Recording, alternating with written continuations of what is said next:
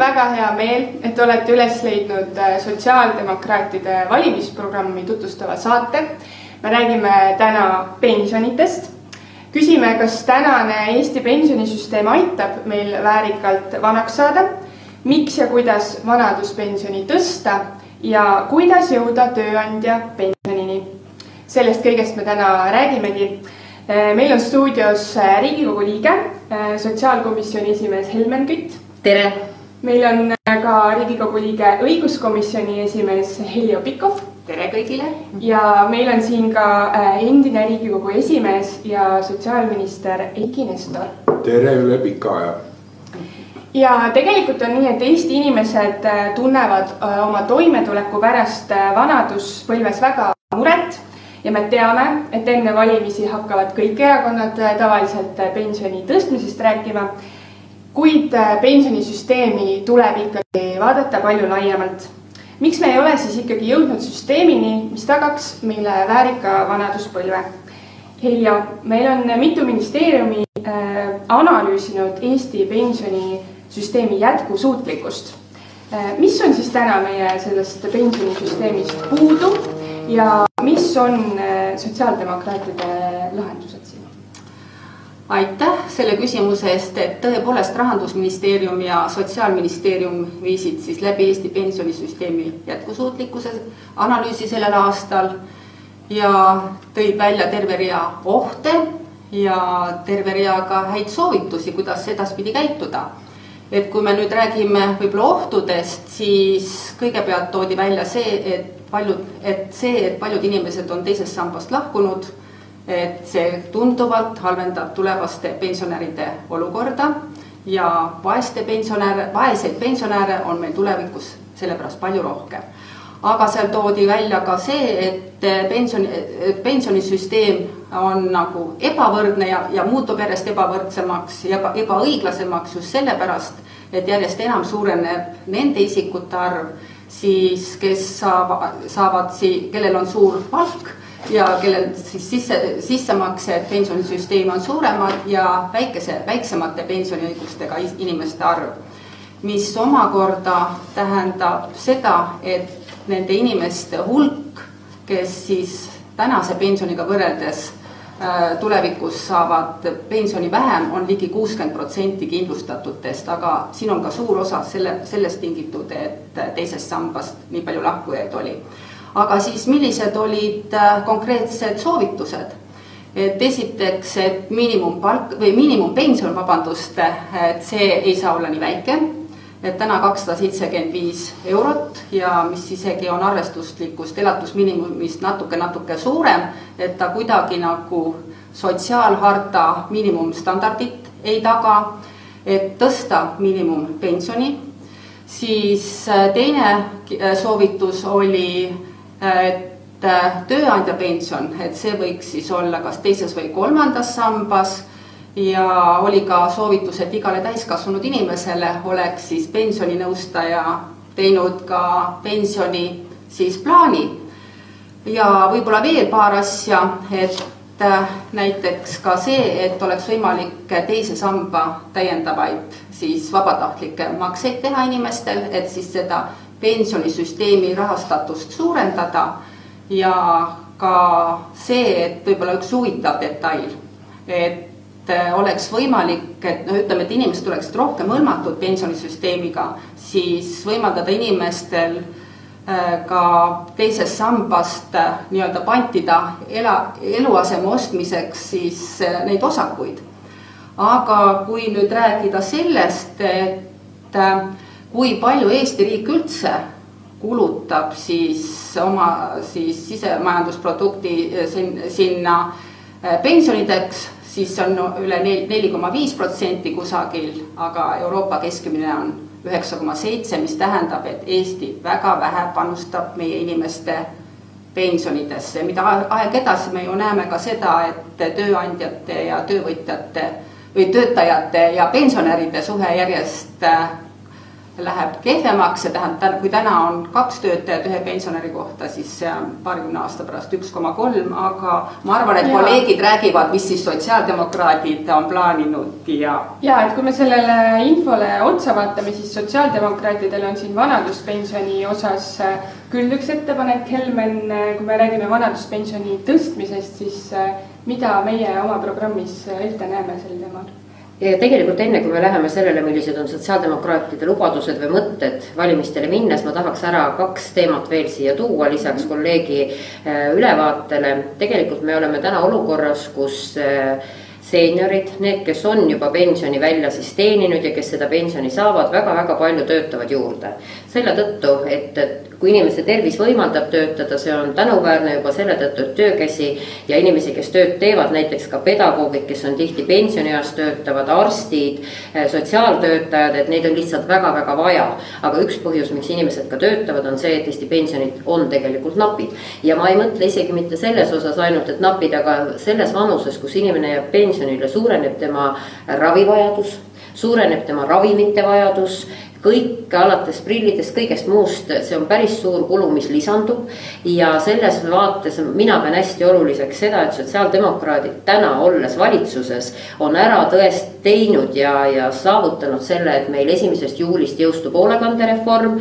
see on täna olnud väga suureks probleemiks ka lähedastele, need, kes on jäänud omastehooldajaks, sest omastehooldaja pension tulevikus on väga väike. omastehooldaja toetus, mis on väga pisike, omavalitsused maksavad seda ka väga erinevalt. on, äh, maksud makstakse alampalga järgi ja see tähendab, et seda pensioniosakut arvustatakse alampalga järgi. et me nagu toodame juurde neid väikese pensioni saajaid, kes ei saa tööle minna õpitud haridusel, sest nad on lähedase hoolduskoormusega seotud ja sotsiaaldemokraadid selle lühikese ajaga, mis on olnud nüüd võimalus ja koalitsioonilepingu sõlmimisel väga selgelt tõid lauda omastehoolduse teema. ja tõid omastehoolduse teema sarnaselt, et esimesest juulist kaks tuhat kakskümmend kolm rakendub esmakordselt aastakümnete noh tagant olukord, kus valitsus ja riik on väga heldelt elukaare esimesse ossa panustanud, väga heldelt. aga elukaare teine osa on jäetud tegelikult inimeste ja lähedaste kanda. riigi panus on seal olnud null, omavalitsustel küll aga see on üle omavalitsuste väga erinev ja see on väga oluline, et esmakordselt nelikümmend miljonit sellel aastal tuleb omavalitsustele, mis kergendab lähedaste võimet asuda tööle ja mitte olla seotud hoolduskoormusega, see ei tähenda, kes soovib hooldada, tõepoolest, see on võimalus, aga me loome nagu selle, et me ei tooda ka väikese pensioni saajaid juurde. Ja ma räägin hooldekodus lihtsalt selles mõttes kõik koduteenused enne ja see on võimalus ka omavalitsustel seda arendada ja parandada, sest ka see teenus, avahooldus, koduhooldusteenus on väga erinev üle omavalitsuste. aga nüüd see, mida Eiki võib-olla tutvustab meie programmi põhjalikumalt, tema on selline hea endine minister ka, mul on ka olnud olla kaks tuhat neliteist, kaks tuhat viisteist sotsiaalkaitseminister, aga Eiki oli see, kes, keda loetakse ka väga paljude süsteemide autoriks, nii et. süsteemidest räägime ka aga kõigepealt võib-olla lihtsamad asjad, et me oleme veendunud, et nelja aasta pärast on keskmine Eesti pension tuhat kakssada eurot kuus. ta peaks sinna kuskile poole keskmise palga juurde jõudma. ja teine probleem, mida me püüame lahendada, millest siin juba Heljo ja Helmen rääkisid, on siis see, et eh, kõige suurem mure on nende hästi madalate pensionide pärast pensionisüsteem ei ole süüdi, kui palgasüsteem on ebaõiglane. aga paraku meil Eestis on tulnud selle palkade suurte vahede minekuga pensionisse toimetada. et see huvitaval kombel, kui inimesed tööl käivad, see neid ei häiri ja kui pensionile jäävad, siis see suur vahe on kuidagi, tundub kuidagi suurem. ja siin on siis üks niisugune tõsine uus samm on siis no võib-olla tuua analoog on alampalk, et eh, tuua riiklikus pensionisüsteemis sisse ka alampensioni mõiste. mis oleks siis tänastes vääringutes kuskil nelisada eurot kuus millest vähem ükski inimene, kes on käinud viisteist aastat tööl ja omab Eestis õigus vanaduspensionile, vähem mitte keegi ei saaks. see on eelkõige mõeldes nende pensionäride peale nüüd pikem lugu ja tõsisem lugu on tõesti siis nende numbritega, millest siin Heljo alustas ja mis tulevad välja ka sellest uuringust. vaadake, head inimesed, et see, et meie kulutame SKP-st kaks korda vähem raha pensionide maksmiseks kui teised arenenud riigid, on seletatav ühe väga lihtsa põhjendusega. meie säästame vähem. see vahe, teiste pensionid on suuremad ja, ja, ja ka kulud on suuremad, tuleneb eelkõige sellest, et nemad on aastakümneid juba säästnud nendes samades pensionifondides, mida siin kiruti paar aastat maapõhja, oma pensionipõlve jaoks raha, sealt tulebki see vahe. ja see viga, mis tehti siin Jüri Ratase juhitud valitsuse ajal on ikka äärmiselt kahetsusväärne, väga vale ja nagu näitab ka see uuring, pannud pikemale perspektiivile põntsu ja, ja Maailmapank, Maailmapank ju tegelikult kiitis seda teise samba lahendust on ju. maailmapank tõi meid teistele näiteks, kuidas sai väga suure hulga töötajaskonnast kaasata äh, säästmisesse ja kogumisse. aga mis meil siis nüüd siin lahendus? lahendus minu meelest paraku seda, seda suurt viga parandada on väga keeruline ja võib-olla isegi tekitame kahju kogumisele aga kindlasti saab teha seda, et me äh, loome sisuliselt ikkagi uuesti tööandja pensionisüsteemi Eestis. ja minu veendumus siin ja soov ja, ja palve on kahele valitsuspartnerile, need on Eesti Tööandjate Ühendused ja Ametiühingud. kunagi nendega koos oli mul au luua Eestis töötuskindlustust ka siis räägiti, ei tea, miks seda vaja on, eriti kuna tuli ju kindlustus, tuli ka midagi sisse maksta. huvitaval kombel, et nüüd, kus me oleme elanud majanduskriise üle ja koroonakriise üle, keegi enam ei küsi, kas seda töötukindlustust üldse vaja on või ei ole. kõik saavad aru, et see on vajalik asi. Ja täpselt samamoodi võiks koostöös valitsuse, tööandjate ja ametiühingutega uuesti läbi ekseldada kõik selle, mille me nimetame täna Eestis tööandja pensioniks. siin, siin on neid kohti, mida saab äh, palju laiemalt vaadata, alates sellest, et kui sa täna on äh, siis meil tööandja pension olnud kuskil siin kümme aastat varsti ja oh häbi, oh viletsust äh, neli tuhat seitsesada inimest on meil tööandja pensioniskeemis, need on eh, enamuses inimesed, kes töötavad sellistes eh, ettevõtetes, kus siis emaettevõte näiteks on Rootsis ja seal on tööandja pension ja siis nad on kohustatud siin ka selle. või siis nad on soovinud oma töötajatele mingit lisaväärtust pakkuda. on, on ka meie Eesti ettevõtteid, kellel on motivatsioon olnud tööandja pensionisüsteemiga liituda ja need on väga vastutustundlikud tööandjad, kes on huvitatud, et need inimesed, kes nende juures töötavad, et neil oleks lisaks palgale veel mingi motivaator, mis hoiab sellel töökohal. näiteks lennuliiklus, kus ei, ei saa noh, kahenädalase kursusega inimest tööle võtta, eks ju, nendel on selge huvi, et inimesed töötavad. Aga Eestis on täna neid inimesi, siis meil on kuussada kuussada viiskümmend tuhat inimest ümmarguselt käib tööl ja tööandja pensioniskeem on nelja tuhande seitsmesajal kokku. ja nüüd ma ütlen, et selles samas Rootsis, kelle pensione me vaatame suu lahti, et vaat kui suured pensionid, seal on see üheksakümnel protsendil töötajatest.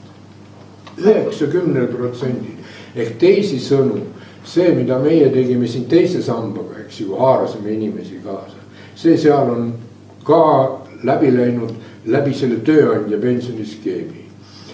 ja siin on vaja läbi vaadata mitmed momendid, esiteks kõigepealt alustame kõige lihtsamast, et täna. oota Heiki, aga anname korraks äkki Heljale ja Helmenile ka sõna ja siis sa saad. ma lõpetan kohe ära, ma toon lihtsalt ühe näite okay., et näiteks tänane see, kui tööandja teeb sissemakseid aastas ta võib teha kuus tuhat eurot selle inimese, inimese pensioniplaani raha paigutada, ta peab maksma selle eest sotsiaalmaksu kolmkümmend kolm protsenti.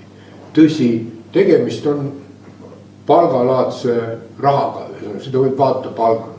Ja kolmteist protsenti ravikindlustusse on loogiline sealt võtta. aga nüüd öelda tööandjale, et kuule, et, et sa nagu riikliku pensionikindlustuse ja äh, pead ka maksma, kui sa oled nõus täiendavalt panustama, on nagu palju. ehk see kõik võtab motivatsioone maha ja need oleks vaja tööandjate ja ametiühingutega läbi rääkida, kokku leppida ja sellele anda uus käik mm. -hmm. Ka siin.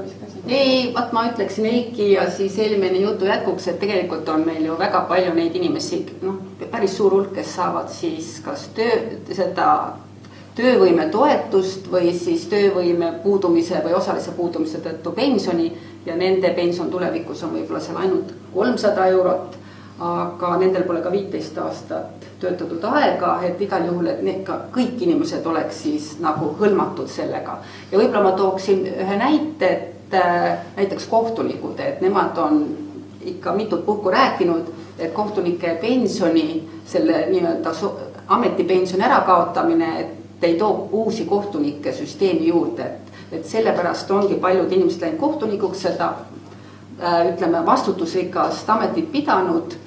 Ja et äh, nad teavad, et nad su-, siis tulevikus saavad suuremat pensioni, et jällegi üks võimalus, tööandja pension siin, et ma olen ka neile seda öelnud, et kui tuleb tööandja pension, et see on nagu see võimalus mm. -hmm.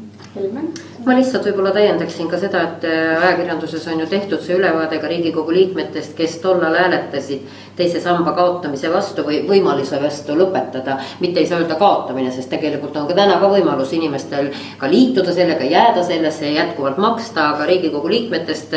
kui paljud jätkasid seda kogumist teises sambas ja täna, mida makstakse üheksa protsenti, kui riik lõpetas ja katkestas, siis need inimesed saavad ikka väga suure võidu, kaasa arvatud mina, sest mina jätkasin teise samba kogumist, mina arvan, et, et säästad ainult kogudes, ainult kogudes säästad. aga et see oli vale otsus selline teha ja see raha tegelikult tekitas ka olukorra, mis täna on inflatsioonis. see oli see, mille tõttu on ka meil inflatsioon nii kõrge.